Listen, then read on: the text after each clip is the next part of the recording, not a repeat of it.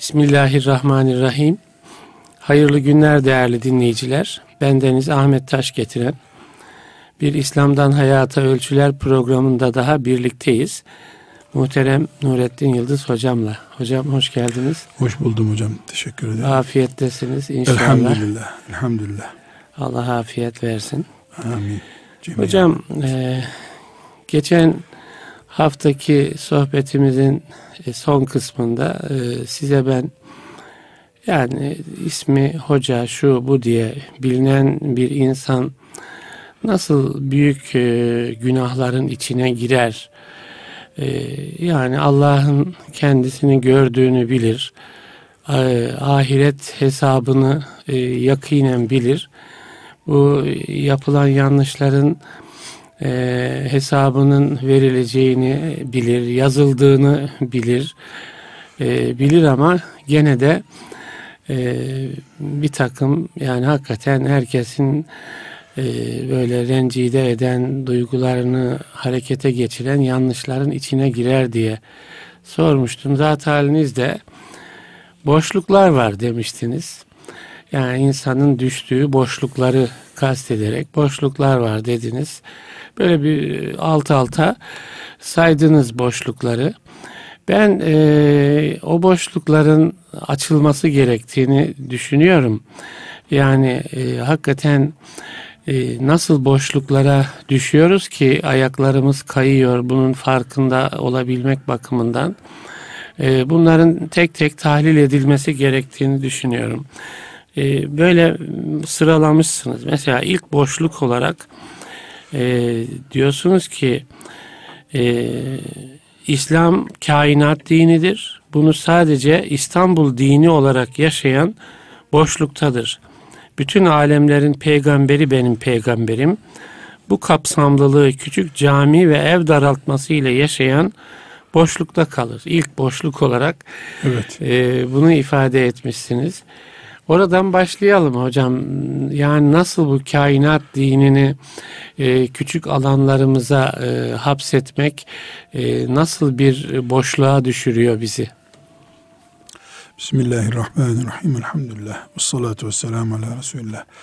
Hocam şimdi e, bir cümle kullandınız. O cümle e, bir giriş yapmaya gerektiriyor. Yani bir hoca efendi bilinen birisi makamı ilmi olan birisi nasıl boşlukta bulunur? Evet onu diyorum. Ee, diyorsunuz. Ben şöyle diyeceğim hocam. Eğer kış mevsiminde ise insanlar cahili de üşür, alemi de üşür. Bizi Rabbimiz şeytana karşı savaşacağımız bir ortamda yarattı. Kış ortamı demek bu. Evet. Ee, babamız Adem aleyhisselam yani bu şeytanla mücadelesinde sıkıntı yaşadı. Evet. Rabbimiz öyle bir proje murat buyurdu ki e, peygamberleri hariç kimseyi şeytana karşı garantili bilmiyor. Bilmiyor bir hayat yaşamamız gerekiyor. Yani Allah herkes bu şeytanla uğraşacak. Şeytana karşı galip gelip onun rızası kazanılacak diye murad etmiş. Herhangi bir şekilde bizim e, günün birinde yani şeytandan korunmuş, hata etmez, yanılmaz biri olarak yaşayacağımızı zannetmemiz boşluk değil uçurum zaten. O helak olma. Böyle bir şey imkansız. Yani insanın kendisini böyle görmesi bir sapıklık. Birilerinin birisini yanılmaz, şaşmaz görmesi ikinci bir sapıklık çeşidi. Önce bundan kurtulmak lazım. Yani hocanın da, alimin de, cahilin de yanılıyor olması doğal bir şey bir defa. Bu hayatın gereği bu. Yani bunu yadırgamak gerekmiyor mu diyorsunuz hocam? Bunun e, önemsizleşmesini yadırgamak gerekiyor. Heh. Yani diyelim ki adam bilmiyor. Yani e, Müslüman ama bilgisi sınırlı, hassasiyetleri de sınırlı.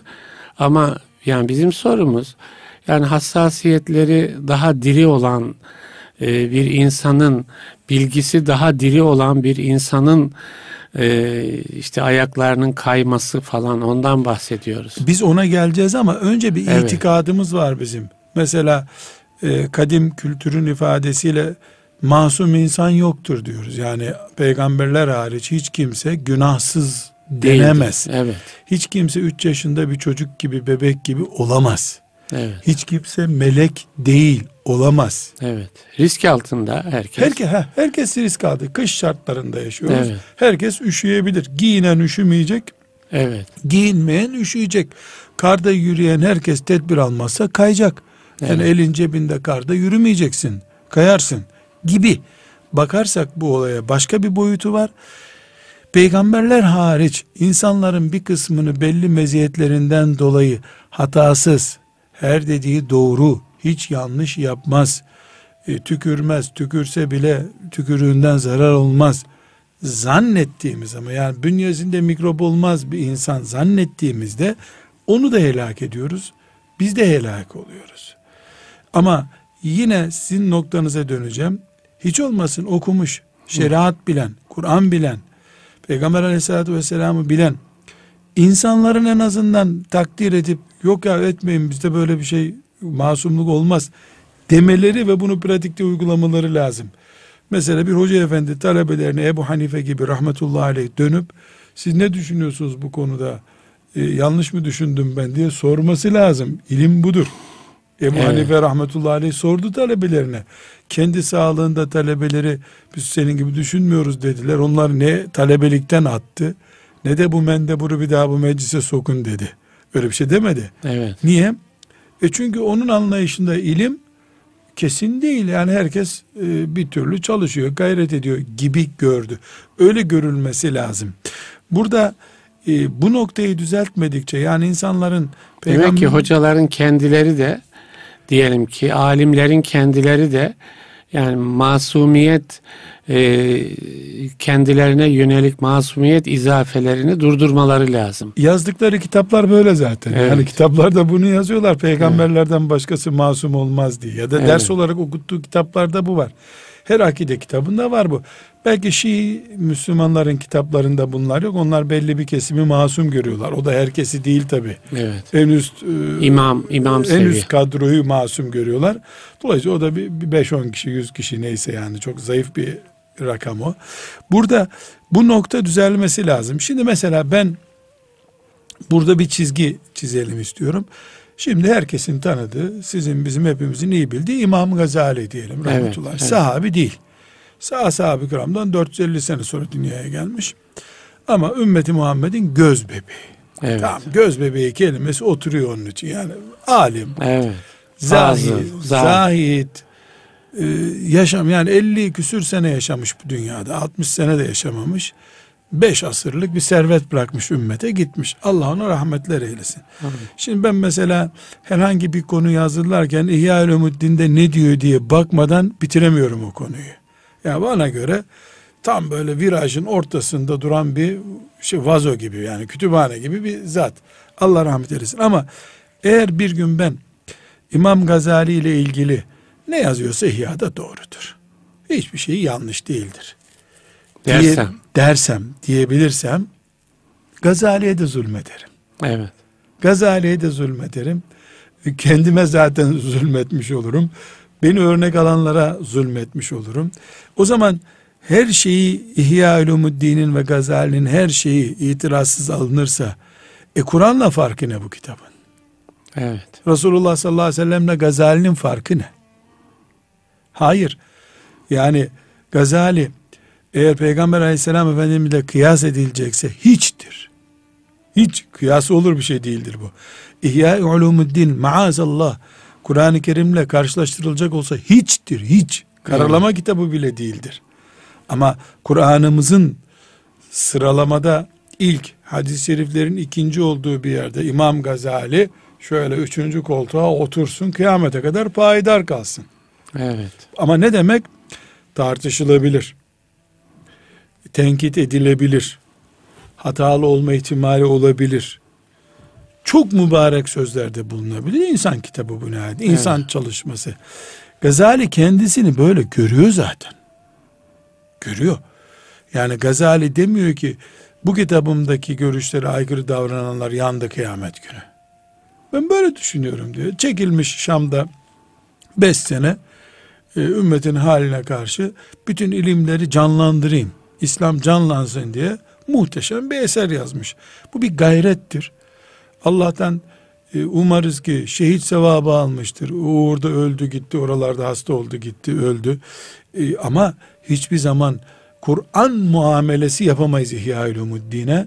Haşa İmam Gazali'ye de Peygamber Aleyhisselatü Vesselam'a yaptığımız muameleyi yapamayız. Evet. Yaptığımız zaman ona zulüm bize helak olur bu. O bunu kabul etmez. Evet. E, kabul etse İhya-ül Umuddin'de başında yazar da bu kitabı okumayan cennete giremez diyor. Öyle bir şey demiyor. Bilakis kitabın başında e, mesela İhya-ül ilim konusuyla başlıyor. E, Yani o cümleleri topladığın zaman ya bu İhya'yı yazmak bile boş bir iş bakmayın siz yazdım der gibi yazmış bu kitabı. Asıl ilim Kur'an'dır diyor. Asıl ilim Ebu Bekir'in, Ebu Hanife'nin, İmam Şafii'nin ilmidir diyor. E şimdi kendisi böyle görmüyor. Biz niye böyle görelim? Demek şeytan tuzağına düşüyoruz. Esasen şeytan direkt İslam'ı sulandırın demiyor. Ama bu tip değerlerimizi peygamberden başkası masum değil aleyhissalatü vesselam. Herkes hata edebilir. Hata niyeti her insanda vardır. Ama herhalde benim hatam yüzde 98'lerde ise Gazali'ninki de yüzde birlerde bile değildir. Belki binde birdedir. Evet. Ya da hiçtir. Yani hiç olması da hiç hata etmemiş olması da muhtemel. Muhtemel. Evet. Ama bu hesabı Potansiyeli ortadan kaldırmıyor. kaldırmıyor. Bu e, hesabı sadece Allah yapar. Kullarının muhasebesini Allah kullarına bırakmamış. Evet. Yani bir komisyon kurun, herkesin iman derecesini ölçün buyurmadı ki allah Teala. Biz bir komisyon kurup insanların imanlarını, amellerinin kabul olup olmadığını ölçemeyiz. Kitabımız, şeriatımız bize bir ölçüler verdi. O ölçülere göre e, bu iyidir, bu kötüdür deriz. Şahsa uyarlamada gene sıkıntı yaşarız. Efendim yani hocam şimdi şöyle yani kendimize de bakabiliriz veya hocalara da bakabiliriz. Yani problemi okumaya çalışıyoruz. Yani diyelim ki yani ben yani Allah Teala'nın beni gördüğünü bile bile ben e, yani onun sınırlarını, hududullahı ihlal ediyorum. Ya da ahirette bunun hesabını vereceğimi bile bile ben e, hududullahı yani amel defterime bir yığın böyle kara noktalar yazdırıyorum. Bu olur bir şeydir. Bu olur bir şey amenna Bunu ama konuşuyoruz. olmaması için yani bende hangi zaaf var ki diyorum bende. Hangi zaaf var ki ben bu tarz ayak kaymaların içine düşüyorum. Yani siz de diyorsunuz ki boşluklar var. Şimdi o boşlukları şey yapalım ki hocam bana da söyleyin. ya benim gibi olanlara da Hmm. Kendime söyleyin. de söyleyin. Ya da kendinize Kendime de de söyleyin. söyleyin. Yani yani bizde hangi zaaflar e, bu tarz ayak kaymalara yol açıyor ya da nasıl kendimizi tahkim etmemiz lazım? bu Hocam noktada? zaafa filan gerek yok. İnsanız. Evet. Dolayısıyla bu bu. Evet. Yani insanız ya bu insanız. Burada bir gerçeği daha söyleyip sonra boşluklara Evet. geçelim istiyorum. İkincisi hocam şöyle zannediyoruz bu da yanlış. A şahsı 10 kitap okumuştu geçen sene. Bu sene 20 kitap okudu. Biz ilmi arttı yani yüzde yüz ilmi arttı. Bir dahaki sene bir yüzde yüz daha arttı. Öbür sene bir yüzde yüz daha arttı. Sürekli artıyor. Biz şöyle düşünüyoruz. Bu zat e, 100 biliyordu, şimdi 200 biliyor. Demek ki sevabı, ahlakı, fazileti, cennet cehennem endişesi, Allah rızası düşüncesi yüzde yüz arttı diyoruz. Seneye bir yüz daha arttı, yüzde 300 oldu diyoruz. Bu kağıt üzerinde doğrudur. Pratikte doğru değildir. Yani bilgi şeyi getirmiyor. Sürekli böyle olması Hayatı tanzim etme sonucu realite, doğru. realite değil. Evet. Realite değil. Ama nedir? Umulan şeydir. Evet. İlim böyle. Esasen yani insanın bilgisi arttıkça çok takva, daha Allah korkusuyla yaşar düşüncesi öyle olması istenir ama öyle olmuyor. Neden? Olmayabiliyor. E, olmayabiliyor. İlim çünkü aynı zamanda esbabı tuğyandandır der eskiler. Yani azdırma sebeplerinden de biridir. Evet. Çünkü bu adam 20 cilt kitap okuduğu zaman bekardı. Asıp kesiyordu. Evet. 30 cilt okuduğu zaman evli. 40 cilt okuduğu zaman 3-4 tane çocuğu var. Maişet sıkıntısından dolayı ticaret yapmak zorunda kaldı. göç etmek zorunda kaldı. Yani hayatın içine dalmadan medresedeki günleri var.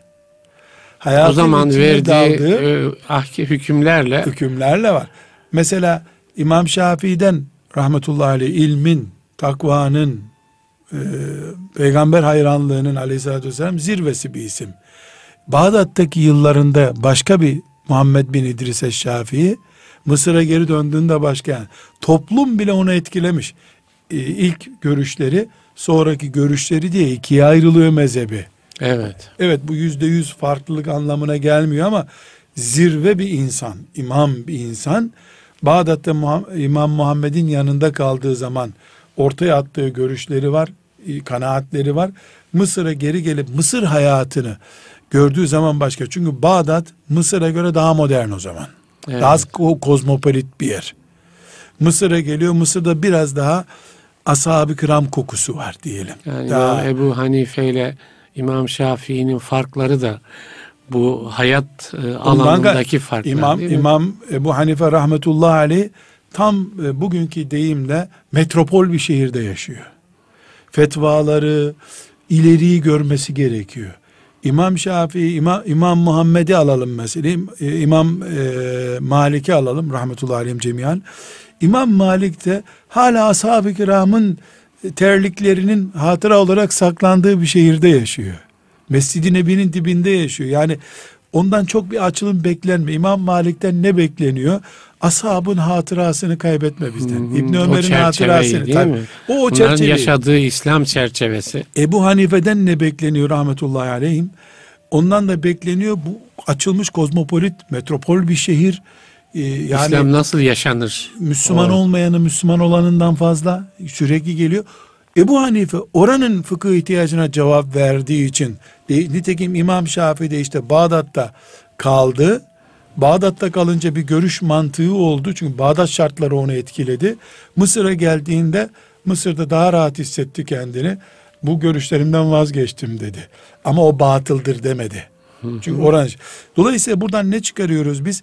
Yani insan olarak bu potansiyelimiz ilimden dolayı hiçbir zaman sıfırlanmıyor bu hata potansiyelimiz. Tam aksine biz hatadan e, arınmadığımız gibi daha fazla e, bir tür şöyle kabul edelim. Yani bisiklet kullandınız mı hiç bilmiyorum. Kullandım hocam. Şimdi bisiklet e, normal böyle giderken bir çakıl taşından devrilmez herhalde. Sadece sarsar sizi. Ama çok hızlı giderken bir bisiklet bir motorda bir çakıl taşıyla devrilebiliyorsunuz. Tabii. Sürate göre çarptığınız şey sizin için tehlikeli oluyor. Bir alemin mesela sol elle yemek yemesiyle avamdan birisinin sol elle yemek yemesi aynı değil. Belki alemin sol elle yemek yiyip o sünneti yok kabul etmesi onun uçurumu olacak. Avam içinde hiç Biraz hissedilmeyecek. tam da bu işte hocam. Yani so- yani üzerinde konuştuğumuz şey bu. Yani hem biliyorsunuz hem de diyelim sol elle yemek yiyorsunuz yani. Ve sorulunca da peygamberin kastı illa öyle yiyin demek değildi diye kıvırıyorsun. Yani mesela yani Allah affetsin de demiyorsun. demiyorsunuz. demiyorsun. Ya nasıl Yani der meşru- bunu diyorum ben alim. meşrulaştırıyor. Der o, o dere geleceğiz işte Evet. hocam. O dere geleceğiz. Yani bunu bu olayı e, olmaz bir şeyi kabul Ha, etmemek olabilir lazım. bu. Bir, Bir, bunu olabilir kabul bu. ettiyseniz Tamam. gelelim. Tamam. Bunu o- kabul ettiysen. Hayır zaten olduğu için konuşuyoruz hocam. Bunlar olduğu için konuşuyoruz. Yani biraz da şaşırıyoruz. E şaşırın. Yani, ha, Çok yani- bekliyoruz biz ya. Ashab-ı kiram titizliği bekliyoruz. E, Şaşırıyoruz. Yani şöyle hocam en azından yani hesabı kolay verilmeyecek işlerin içine giriyor mesela. Yani bunu bildiğini düşündüğümüz bir insan ya diyorsunuz ki ya bu nasıl yapılır ki? Mesela Allah'a inanan bir insan bunu nasıl yapar ki? E, ahirete inanan bir insan bunun hesabını e, bilen bir insan bunu nasıl yapar ki? Ben size bir Şeyimiz örnek var, vereyim mi evet. üstadım? Çok yakın Estağfurullah. bir zamanda Almanya'dan e, Avrupa'nın başka ülkelerinden bir grup ziyaretime geldiler. Çok tatlı bir örnek. Dediler ki biz e, Avrupa ülkelerinde faizsiz ev almamız mümkün değil. E, yani bu da peşin parayla ev almak diye bir şey yok Avrupa'da zaten. Zengin de olan almıyor. Çünkü devlet bunu bankadan al neredeyse üçte iki fiyatını alıyorsun. Evet. Böyle bir imkan var. Öbür türlü o kadar parayı bir eve yatırmak mümkün değil. Hatta zat dedi ki soruyu soran yani ben dedi şu anda 800 euro kira veriyorum. 500 euro aylık ödeyerek 20 sene sonra evim oluyor benim. Çocuklarımı Hmm. eve bırakıyorum. Sırf bunu krediyle aldığım için e, niye haram oluyor bana hı. dedi. E, ben de dedim ki şeriatımızın faizle ilgili kuralları çok nettir. E, faiz Kur'an'ın açık savaştığı konulardan biridir. Ebu Hanife rahmetullahi aleyhin çok zayıf bir hadis, mürsel hatta bir hadis yani zayıfın bir derecesi olan mürsel bir hadise dayanarak Darul Harp'te e, faiz e, yoktur, olmayabilir Müslümanla kafir arasında diyor. E, dolayısıyla böyle bir şey e, nereden çıkıyor sorusu. Yani tartışmamın konumuz bu. Dedim ki e, bir defa siz madem Darül Harp niye orada yaşıyorsunuz? Darül Harp ne demek? Savaş ülkesi demek. Siz savaşıyor musunuz orada? Yok yatırım yapıyorsunuz. Ulan Darül Harp'te yatırım olur mu ya? Ebu Hanife'yi rahat bırakın bir defa. Evet. Derken benim Yani yanımda Ebu Hanife'nin o rivayetinden size e, alan açmayın. bir ekonomik bir savaş yapıyor Ebu Hanife. Evet. Diyor ki Darül Harp'te kafir sıkıştıysa faizle borç ver şuna diyor. Adamın yani kırklağını sık Evet. demeye getiriyor. E sen orada yatırım yapıyorsun ve kendi vatanın edinmişsin. Darül Harp'te yaşamaz ki Müslüman. Bir defa mantık olarak bir çelişki var. Dediler ki izin verir misiniz biz hocamızı arayalım.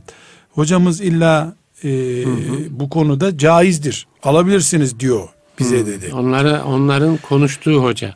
camilerindeki hoca Hmm, ya da işte tamam. o cemaat derken benim yanımda telefon ettiler. Ben bir tarafı duyuyorum, öbür tarafı duymuyorum. Ee, bir 10 dakika sürdü telefon görüşmeleri. Sonra işte yüzümüzü kızardı o soruyu soranı sinirlendi. Ee, kapattı telefonu dedi ki hocam hocamız diyor ki orada İstanbul'da oturarak değil diyor fetva vermek. Hmm. Ben burada cemaatimin kahrını çekiyorum. Cemaatimi ayakta tutmam lazım. Yoksa dağılır cemaat. Hmm. Orada otururken haram demek kolay evet. diyor. Şimdi bu cümleye takıldım ben.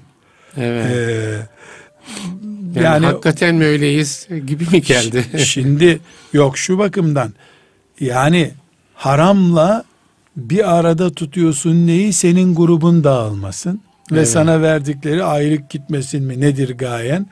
Ona verdiğim cevap e, yani güzel not tutun dedim hoca efendiye söyleyeceğimiz cevabı.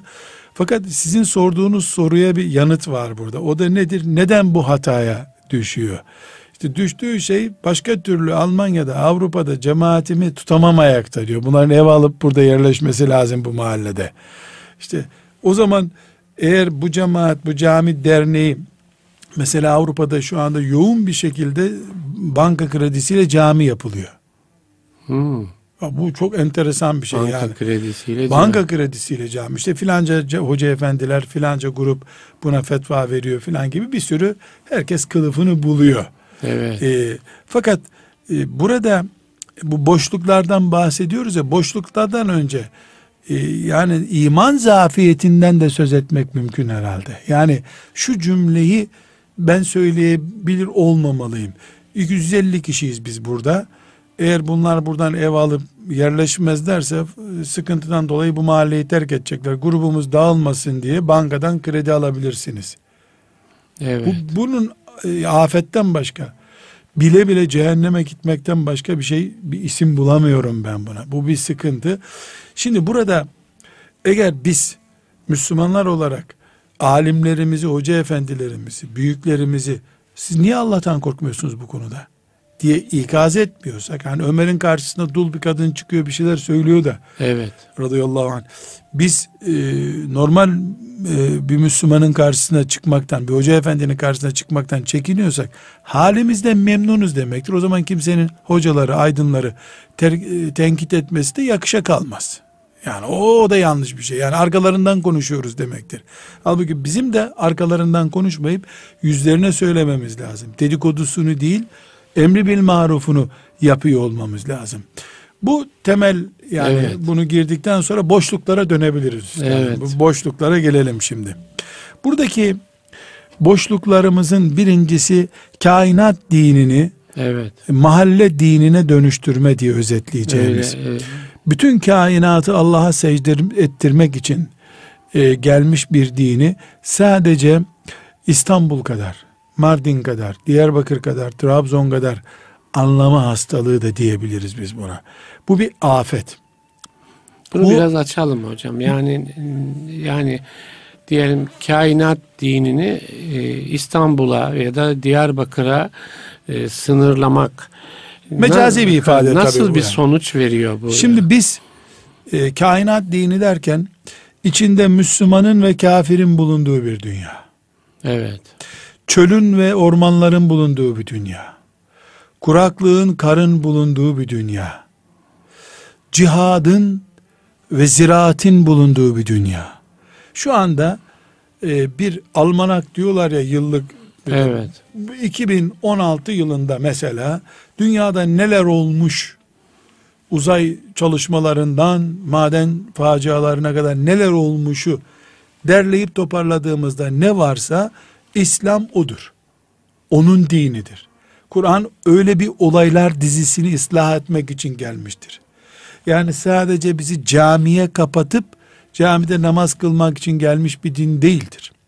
Eğer bir e, hoca efendi, önder, alim, kimi kastediyorsak biz, bu yetiştirilirken, elif cüzünden itibaren yetiştirilirken, bir, bir göreve hazırlanırken, iki, o kendisinin çalışma alanlarını belirlerken, üç, o zatın etrafındaki istişare kadrolarını oluştururken, dört, bir murakabe sistemi, denetleme sistemi oluştururken, beş, bu beş alanda kainat dini namına konuşan Ahmet Mehmet değil de, bu vakfın sorumlusu olarak konuşan birisi olduğu zaman, bu boşlukta duruyor. Çünkü kaldırması gereken kapasite kainattır. Bu sadece bir vakıf kaldırıyor ama kainatta meydan okuyor. Evet. Yani biz bir e, pamuk Yani ipliğiyle kapasitesi sınırlı ama kainat sınırlı bile değil. Evet. Yani 100 bin tonluk bir bu ağırlık söylediğiniz için- maddeler alt alta diyelim murakabe heyeti falan onlar itibariyle çok sınırlı dar e, bir e, gücü var ama kainatı çözeceğini düşünüyor. kainatla ilgili projelerde var kabul ediliyor. Evet. Şimdi burada İmam Gazali'nin e, siyaset konusunda bir tespiti var. Diyor ki e, Ömer bin Hattab radıyallahu anh gibi bir adam bulması mümkün değil artık insanlığın diyor. Ama kırkımız bir araya gelip bir Ömer oluruz diyor. Bir istişare meclisi oluruz. Bir şura meclisimiz olur. Her daldan, her uzmanlık alanından insanlar orada bulunur. O şura meclisinin kararına göre iş yapılır. Dolayısıyla gene biz Ömerlik işler yaparız. Evet. Şimdi burada bir kişiyi eğer Ömer olmadığı halde Ömerlik bir dünyaya dadandırılıyorsa e, bile bile onu boşluğa atıyoruz biz. Yani yer çekiminin olmadığı bir yerde kürekle inşaat yaptırıyoruz buna biz. Ne küreği çekiyor yer ne onu çekiyor. Boşlukta kürek sallayıp duruyoruz. Kapasitesiz insanlarla, kapasitesiz önderlerle, kapasitesiz alimlerle yani ümmetin başında kim duruyorsa artık bunu bir cami imamından bir vakıf başkanından bir yazardan bir çizerden bizim gibi böyle mikrofonların önünde konuşanlardan herkes için geçerli söyleyebiliriz. Kapasitesi düşük insanlarla bütün insanlığı kuşatan bir din projesini yürütemeyiz. Bu tıpkı uzay çekiminin yani yer çekiminin olmadığı bir alanda boşlukta yuvarlanıp giden bir insan gibi oluyor. Dolayısıyla talebe yetiştirilirken hatta ve hatta yani ümmeti Muhammed'in insanı olarak bir camide cuma namazı kılarken bile ümmet diye bir hedeften, insanlık diye bir hedeften, kainat diye bir düz alandan konuşmak lazım. Konu büyük bir konu ama biz bunu menkıbelere daraltmaya kalkarsak yahut da işte ona anlatamıyorsun e, cahil anlamıyor. Bunu anlatamıyorsun zıt görüşlü anlamıyor derken kendimizi de anlamayanlara göre daraltırsak Evet. sıkıntımız buradan kaynaklanıyor. Dolayısıyla mesela bir hoca efendi e, bu kainat düzeyindeki dini Diyarbakır, İstanbul, Trabzon düzeyine indirmenin e, sonuçlarını söylüyorum. Bir hoca efendi faizle ilgili bir şey konuşuyor. Veya işte filanca namazların e, şurada kılınıp kılınmayacağı ile ilgili bir konu konuşuyor. Bunu sadece gözünün önündeki ölçüleri baz alarak konuşuyor ama internet onun görüşünü dünyanın 7 milyarına yayıyor. Evet. Şimdi burada bir sıkıntı var. Ben internete bir cümle koyuyorum. Bütün 7 milyara açık bu cümle. Evet. Ama bunu bizim köydeki şartlara göre konuşuyorum. Bu Ya ümmet da bir odada konuşuyorsunuz. arkadaşlar arasında muhabbet ederek konuşuyoruz. O diyelim ki anında çoğaltılıyor. E, çoğaltılıyor. Sosyal medyaya konuyor. Nereye konuyorsa artık ben bunu insanlığa mal ediyorum ama insanlık düzeyinde değil bu. Evet. İslam'ın görüşü olarak sunuyorum. Halbuki İslam'ın görüşü değil. Mesela misal olsun diye söylüyorum bilindiği içiniz. İmam Bir Gibi'nin tarikatı Muhammediyesinde anlattığı bir cümle bu. Zavallı belki varsayım olarak anlatıyor bunu. Ben İslam böyledir diye anlatıyorum. İslam İmam Bir Gibi kadar olamaz. İmam Bir Gibi gibi milyar yetiştirmiş bir din bu. Yani onların toplamı belki bir İslam edecek. Evet. Yani burada kainat dinini küçük bir şehir düzeyinde düşünmeyi mecazi bir ifade olarak O zikrediyoruz. zaman yani. şöyle bir şey mi hocam? Yani kapasite değerlendirmesini herkes kendisi yapmalı. İslam adına haddini Söyle- bilmek. Haddini bilmek. haddini evet. bilmek. Bir, şu İslam'ı cemaate mal etmek. Bu İslam'ı ümmet olarak yaşamak ve bu İslam'ı bir heyet olarak biz önünü çekmek. Yani bir kişinin Trabzon'un bir köyünde nesiller kurtarma projesine girmesi bu, bu kainatı bir şehir olarak, kasaba olarak anlamaktır. Yani Trabzon'un köyü, İstanbul'un bir mahallesi, kainatın ne kadarı? Ne kadar? Yani bu e, bütün insanlığın beklentisini bir köy şartlarına göre anlamak yanlış. Misal yani İslam e, başka bir baz olarak e, çıkayım e, çıkarım yapmak istiyorum. Şimdi Arap bir peygamberimiz var sallallahu aleyhi ve sellem. Sallallahu aleyhi ve sellem. Ama dinimiz Arap değildir. Evet. Arap değildir. Dolayısıyla Cihan e, şumul. cihan şumul yani kainat diniyiz Kainat biz. dini. Kainat şumul dini. oz demek Yani, zaten. e, şimdi evet kainat cihan şumul Evrensel evrensel, diyoruz. adına ne, ne nasıl anlıyorsak. Şimdi Efendimiz sallallahu aleyhi ve sellemin yaşam tarzı var. Bu yaşam tarzının şeriatımız olan bölümü var. Namaz, yemek, saalle yemek yemek. Ama tirit diye de bir çorba yiyor. İşte et suyuyla Peygamberimiz, yapılmış evet. aleyhissalatü vesselam. O yörede e, buzdolabının olmadığı bir ortamda her türlü sebzenin yetişmediği bir ortamda et güneşte kurutuluyor. Ondan parmak kadar bir şey bir kazana atılıyor. Kuru ekmekler de sonra atılıyor. Al sana bir yemek oluyor. Bu yörenin getirdiği bir e, yemek türü Yemek tarzı. Evet. zevk diyelim, damak tadı ne diyorsak buna biz. Kainat dini ne? Ee, biz hayata geçirirken bu yemekle ancak İslam yaşanır dersek zulmederiz İslam'a. Allah'ın haramları bellidir. Alkolünden işte necis hayvanlara kadar. Onları çıkardıktan sonra kimin ne yediğine bakmak yasak. Neden? Çünkü kainatlık düzeyini daraltıyorsun sen. Yani Allah'ın helal kıldığını haram kılamazsın. Mesela çok daha orijinal bir örneği hurma bizim gözümüzde değerlidir. Niye değerlidir? Yahu hurma dediğin şeyi Peygamber Efendimiz sevmiş sallallahu aleyhi ve sellem. Yani keşke insan başka bir şey yemese. Bir de sanki oralarda yetişiyor sadece gibi. gibi Evet. gibi. Ee, yani o veya bu sebeple hurma bizim bitkimiz ama e, belli bir yaştan sonra glikoz sorunu olan, şeker sorunu olan bir nesiliz biz şimdi.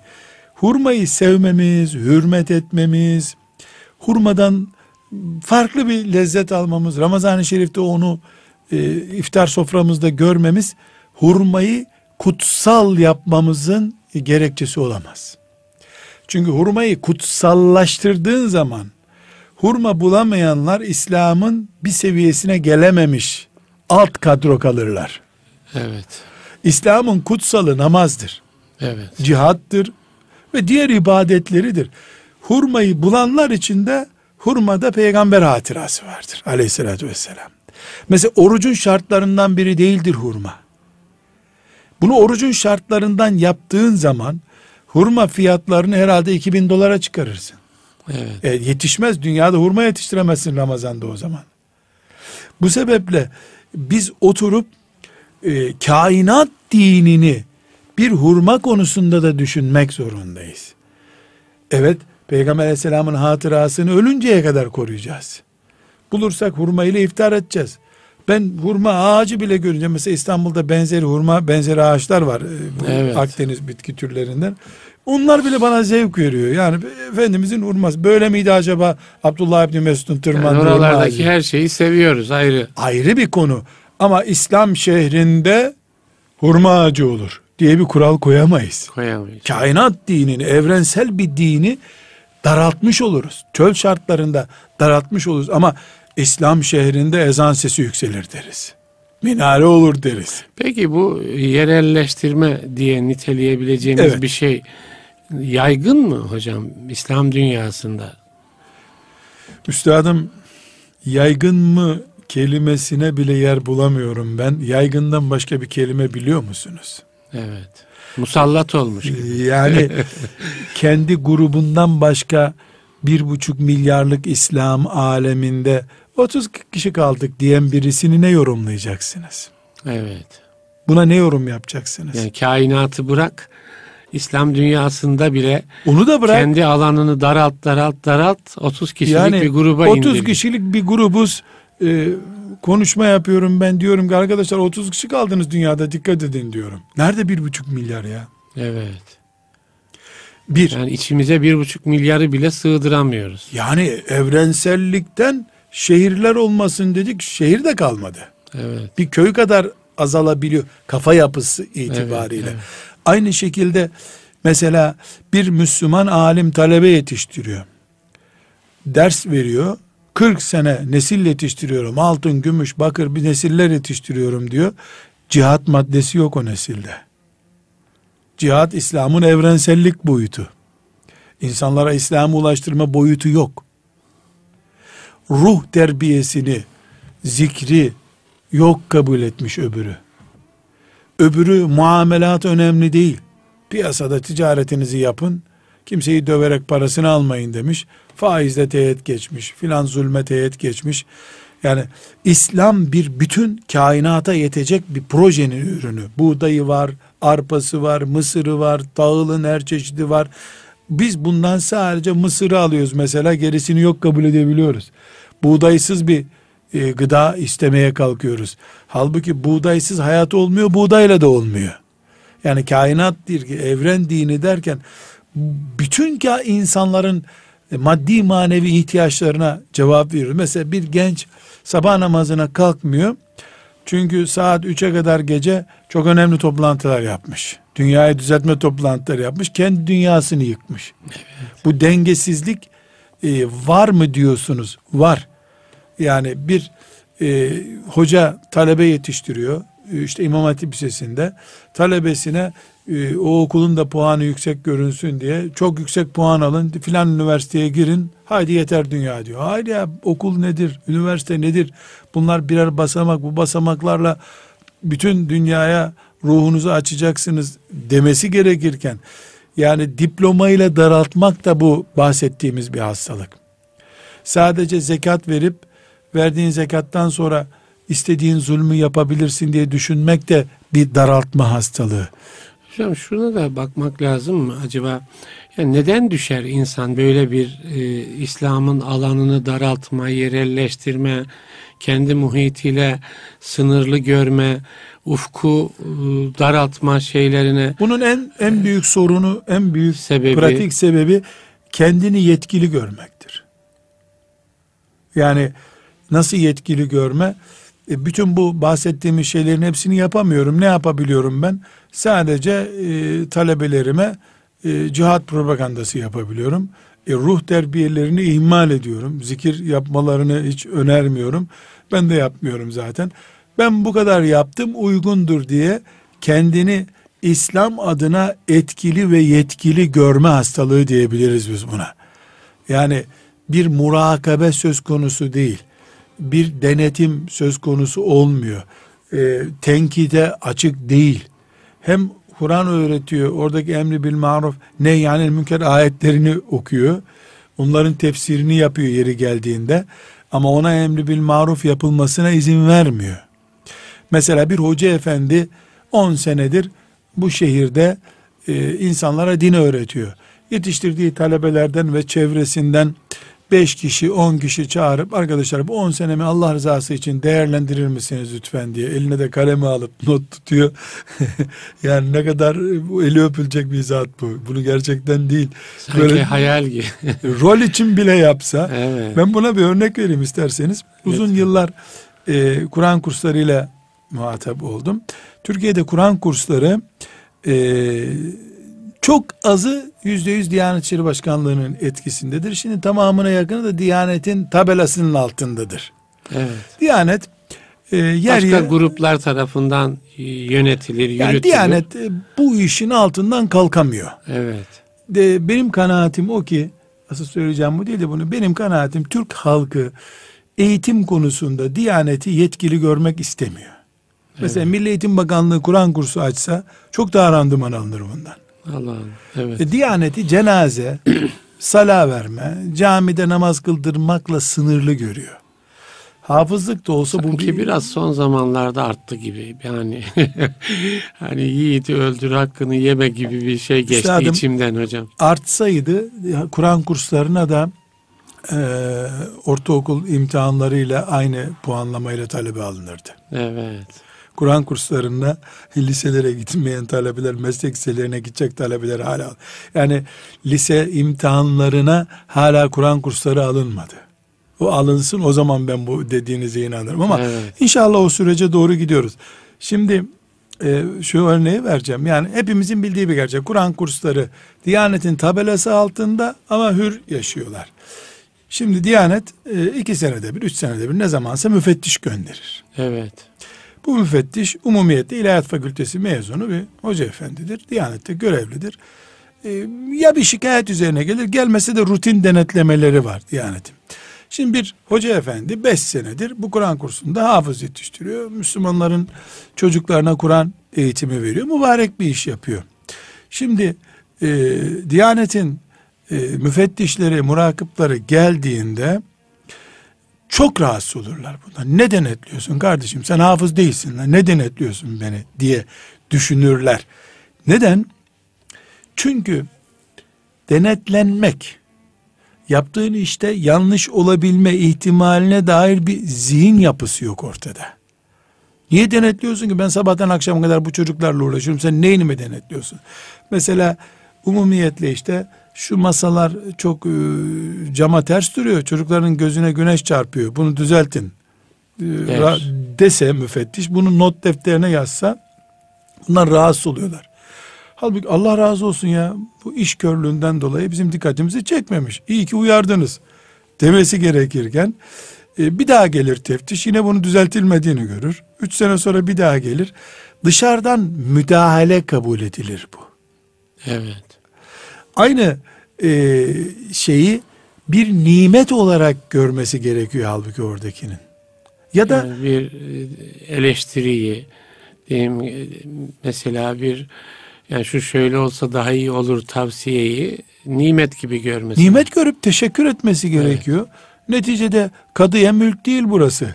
Yani sen çocuk okutuyorsun dışarıdan görünen gibi görmek de mümkün olmayabilir hakikaten. Doğru evet. Yani dışarıdan çünkü her sabah sen geliyorsun 10 senedir akşam gidiyorsun. Sistem Bir- körlüğü diyorlar. bir, bir noktadan sonra görmeyebiliyorsun. Dışarıdan gelene teşekkür edilmesi Belki gerekiyor. bütün sistemi de hocam sadece orayı değil. Diyelim ki yani Kur'an kursu sistemini, hafızlık sistemini bunun biraz önce söylediniz ya yani kainat dini, kainata insan yetiştirme değil mi hocam? Evet, yani evet. o manada bir Müslüman yetiştirme diye bir gündem alsak işte orada İmam Hatipler nasıl bir rol ifa ediyor? Medreseler, Kur'an kursları nasıl bir rol ifa ediyor.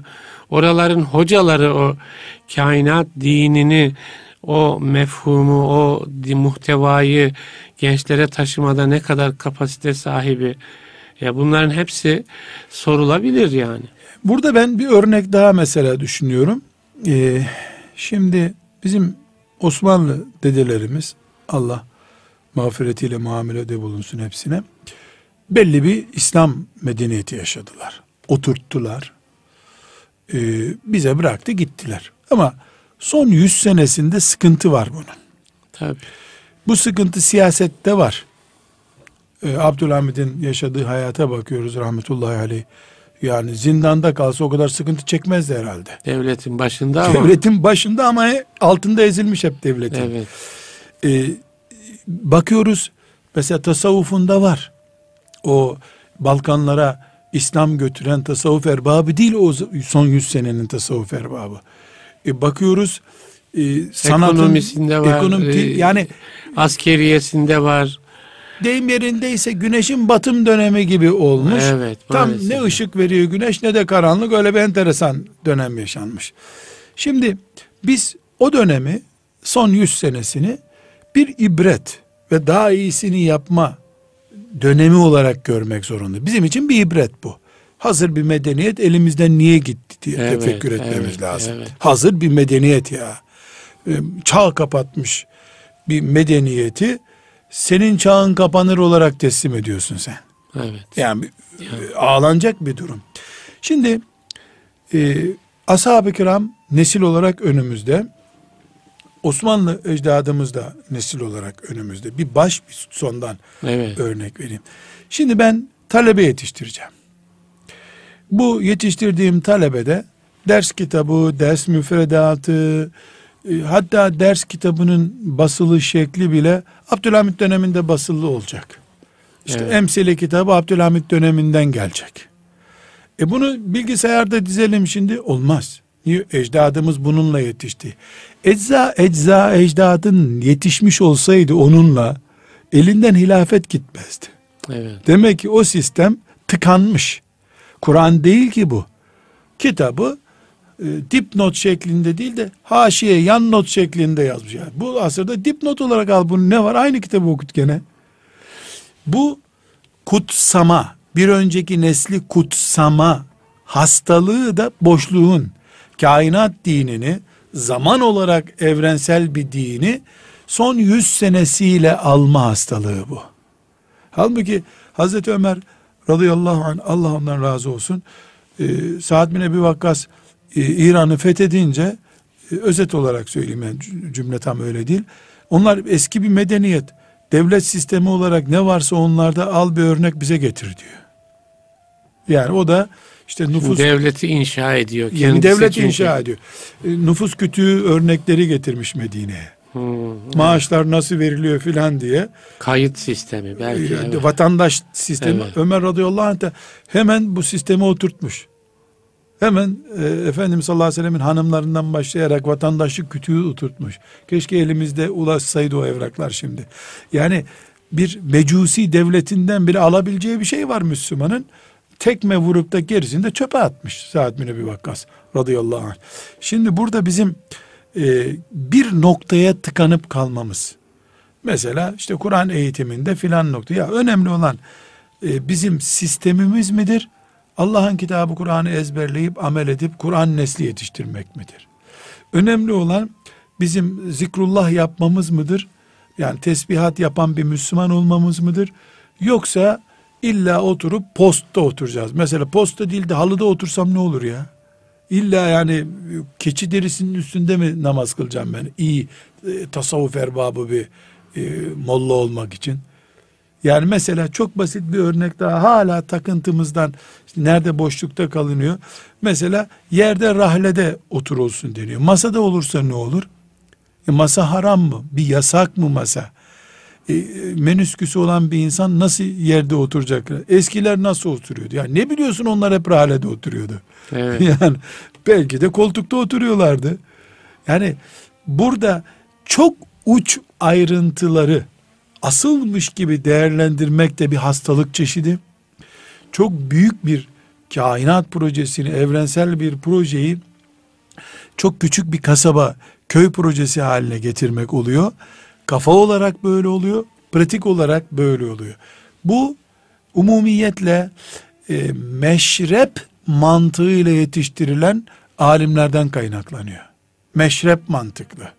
Bizden ve değil. Bizden ve değil. Çok e, üzücü bir e, nokta hocam. Çok yakın bir zamanda e, Suriyeli bir hoca efendi ile karşılaştım. E, Suriye'deki durumu zikretmeye gerek yok herhalde yani. Tabii. Vahim bir durum. Yani kaç devlet birkaç yüz Müslümanla bombalıyor orada. evet. Yani Necip şeyin e, Mehmet Akif Ersoy'un Çanakkale'yi Çanakkale. tarif eden Kimi Hindu, kimi yam ya, yam. bir, bir, bir kimi Evet. mecusi kimi ne gibi bir toplantıda görüştük. Yaşlı da bir hoca efendi yanıma e, yanaştı. Ben de onun ziyaret kucaklaştık. Sen dedi Nurattin hocasın değil mi dedi. Evet dedim. Ya dedi bizim orada dedi filanca grup çok arttı dedi. Başka bir Hmm. bir, bir tarafta cihad eden öbür grubu söylüyor. Ee, bize destek versen dedi. Senin e, internetinde dedi bizim benim konuşmalarımı yayınla onlar artmasın dedi. Evet. Ya üstadım böyle birden yani e, trafikte giderken yol biter ya çıkmaz Evet. sokağa girdiğini en son anlarsın. Bir garip oldum Allah'ım dedim bu ne garip iş ya. Sen bir defa e, Başkasının yani artmasını istemeyen ya bana demiyor ki bir cümlede söylesen düşmanımız orada kahrolsun müminler. Yani düşman her ikisini de berbat ediyor. O o ekolden kendi ekolünden olmayan öbür ekole karşı benden destek istiyor. Kafire karşı istemiyor. evet. Ben de o zaman dedim ki demek ki e, yani Allah'ın lütfedip bu zalim gitse beş senede siz kendi içinizde savaşacaksınız o zaman. E, maalesef Afganistan'da öyle şeyler oldu hocam. Hadi Afganistan hocam e, ilmin çok zayıf olduğu bir yerde Suriye alim kaynıyor. Evet. Şimdi alimden bir örnek veriyoruz evet, hocam. evet. Bu alim boşlukta hocam. İlmi çok varmış. Hanefi fıkıh kitaplarını yazmış, şerh etmiş. Emin olun benim için çok önemli değil artık. Hocam yani e, zamanımız azalıyor. E, Şimdi birçok İslami e, çalışmalar var. İlim halkaları, Kur'an halkaları ya da ne bileyim hareket diye niteleyebileceğimiz bir takım şeyler var. Yani o kainat dini olarak İslam'ı almak e, ve ona göre bir donanım kazanmak. Herkes kendi konumunu öyle bir e, şeyin tuğlası gibi görmesi. Yani nasıl sağlanabilir? Ben, Bir- evet, ben cami değilim. evet, Camide bir halı parçasıyım. evet. Camide bir tuğlayım. Camide bir pencereyim. Cami ben değilim. Şeriatımıza hizmet ediyoruz. Dinimizi yüceltmek istiyoruz. Ümmetimizi büyütmek istiyoruz. Ben 10 senedir çalışıyorum. 10 senedir 200 genç vardı etrafımda. Ee, şimdi 800 genç oldu. Bu beni sevindirmemeli. Bulunduğum yerde sabah namazını 40 kişi kılıyordu 80 kişi kılıyor şimdi. Olduğu zaman sevinmeliyim. Cami büyüdüğü zaman sevinmeliyim. Meyhaneler azaldığı zaman sevinmeliyim. Küfür bize saldırı yapacak bir alan bulamıyor. Ona sevinmeliyim. Boşanmalar tükendiği zaman sevinmeliyim. İffetli, ahlaklı ailelerden doğmuş çocuklar arttığı zaman sevinmeliyim. İnsanlar Ramazan'da okuduğu gibi Ramazan'ın dışında da Kur'an okuyorlar. Buna sevinmeliyim. Yani sevindiğim değerler, büyüme limiti olarak kabul ettiğim şeyler ümmetimin değerleri olmalı. Ümmetim böylece büyümeli. Ben büyüdükçe ümmetim büyüyorsa ben ümmet kafalı çalışıyorum demektir. Ben büyüyorum, güçleniyorum. Vakfım büyüyor, arabalarım arttı, ticaretimiz var, televizyonumuz oldu, her şeyimiz var. Hamd ediyoruz. Ama İslam hala o İslam. Şöyle bir şey e, olsa hocam mesela bizim programımızı dinleyen bir böyle İslami hizmet grubu ya biz hakikaten e, kendimiz bir o İslam kainat dini ben onun içinde caminin bir halısı mıyım o noktada bir öz yapmaya yönelse kendisine mesela ne tür sorular sormalı diye şey yapayım. Hocam şöyle bir örnek vereyim. Şimdi bir hafta içinde fırsat bulup gitsem 20'ye yakın vilayete çağrılıyorum. Her hafta istisnasız. Kimi vilayetten mesela e, hasretimi de ifade edeyim. Batman'da 150 davetiyem var hocam Batmanlılara ait. Gidin artık hocam Batman. Hocam gideceğim. gideceğim de Ben de Batman'a doğudan, güneydoğudan gelirse bir davet onu e, aksatmamaya çalışıyorum hocam. Tamam beraber gidelim hocam. Gidelim hocam. hay Şimdi hay. e, çok davet ediyor kardeşlerimiz. E, ben kimseye yok demiyorum ama bir sıraya koyuyorum. evet. Sıraya koyuyorum. Şimdi nereye çağırıyorsun beni diyorum. Biz işte 200 genciz diyor. Çok güzel. 200 genç için gidilir. Biz filanca dernek ve vakıfız. 300 tane hanım seni dinleyecek diyor. Ben de diyorum ki arkadaşlar onun için geleyim ama siz gerçekten İslam'a bir hizmet etmek istiyorsanız çok iddianız varsa beni 2-3 tane de hoca efendiyi çağırın. 3-5 hoca şu sizin yönetici kadronuz kimse bizi onlar için çağırın. Hmm, evet. Beni mesela Batman'a çağır. Oradaki kardeşlerimize selam olsun. Ee, beni çağırın. Deyin ki hocam sen bir saat halka konuşacaktın. Bir salon parası falan vermeyelim. Sen gel bize olta tutmayı öğret. Çünkü neden? Diyelim 40 senedir ben bağırıp çağırıyorum bir mikrofonların önünde. Bir ufak birikimim var ki sen beni çağırıyorsun. Tabii. Yani çağırıyor. İnanıyorsun yani bir birikimim var. Ama hocam e, böyle yüz yere teklif ettiysem ikisi üçü kabul ediyor. O günde işleri çıkıyor gene. O iki Evet, üçü üçünün. evet. Yani bu gösteriyor ki bildiğimizi zannettiğimiz şeyleri yeterli buluyoruz. Evet. Halbuki madem sen işte filan uzak şehirdesin. Benim İstanbul birikimimi mesela doğulu kardeşlerimiz hep şunu sistem ediyorlar. İstanbul'dan başka bir şehir yok zaten sizin için. Hep İstanbul istiyorsunuz diyorlar. Doğru İstanbul Peygamber Aleyhisselam'ın övgüsünü görmüş bir şehir. Hakikaten hayrı ve şerri bol bir yer. Ama sen İstanbul'un o birikimini almıyorsun bak. Beni götürüyorsun salonda konuşturturuyorsun. Ya salondan sonra bari oturalım arkadaşlar. Tamam oturacağız hocam diyorlar yemeğe çağırıyorlar ama. Evet. Hocam yani bu sohbet uzar ama süre doldu. Malum e, saate bakıyorum ben. İşimiz vaktimizden evet, çok. e, inşallah konuşmaya devam O zaman ederiz son bir bunu. cümle söyleyeyim hocam. Ha, lütfen hocam. Ee, bu son 5-6 senedir dikkatimi çekiyor. Buna rağmen bilhassa e, genç nesillerde genç iş yapan kardeşlerimizde bu arayış var hocam. Bunu da inkar etmemek Büyük, lazım. büyük e, Elhamdülillah. ümit orada o zaman hocam. var. İnşallah. Onun yani genç kardeşlerimizde dileyelim. şöyle 30'lu yaşları yaşayan kardeş hele bayanlarda bu arayış çok yüksek. Evet. Bu arayışta da rahmet görüyorum elhamdülillah. İnşallah. İnşallah hocam.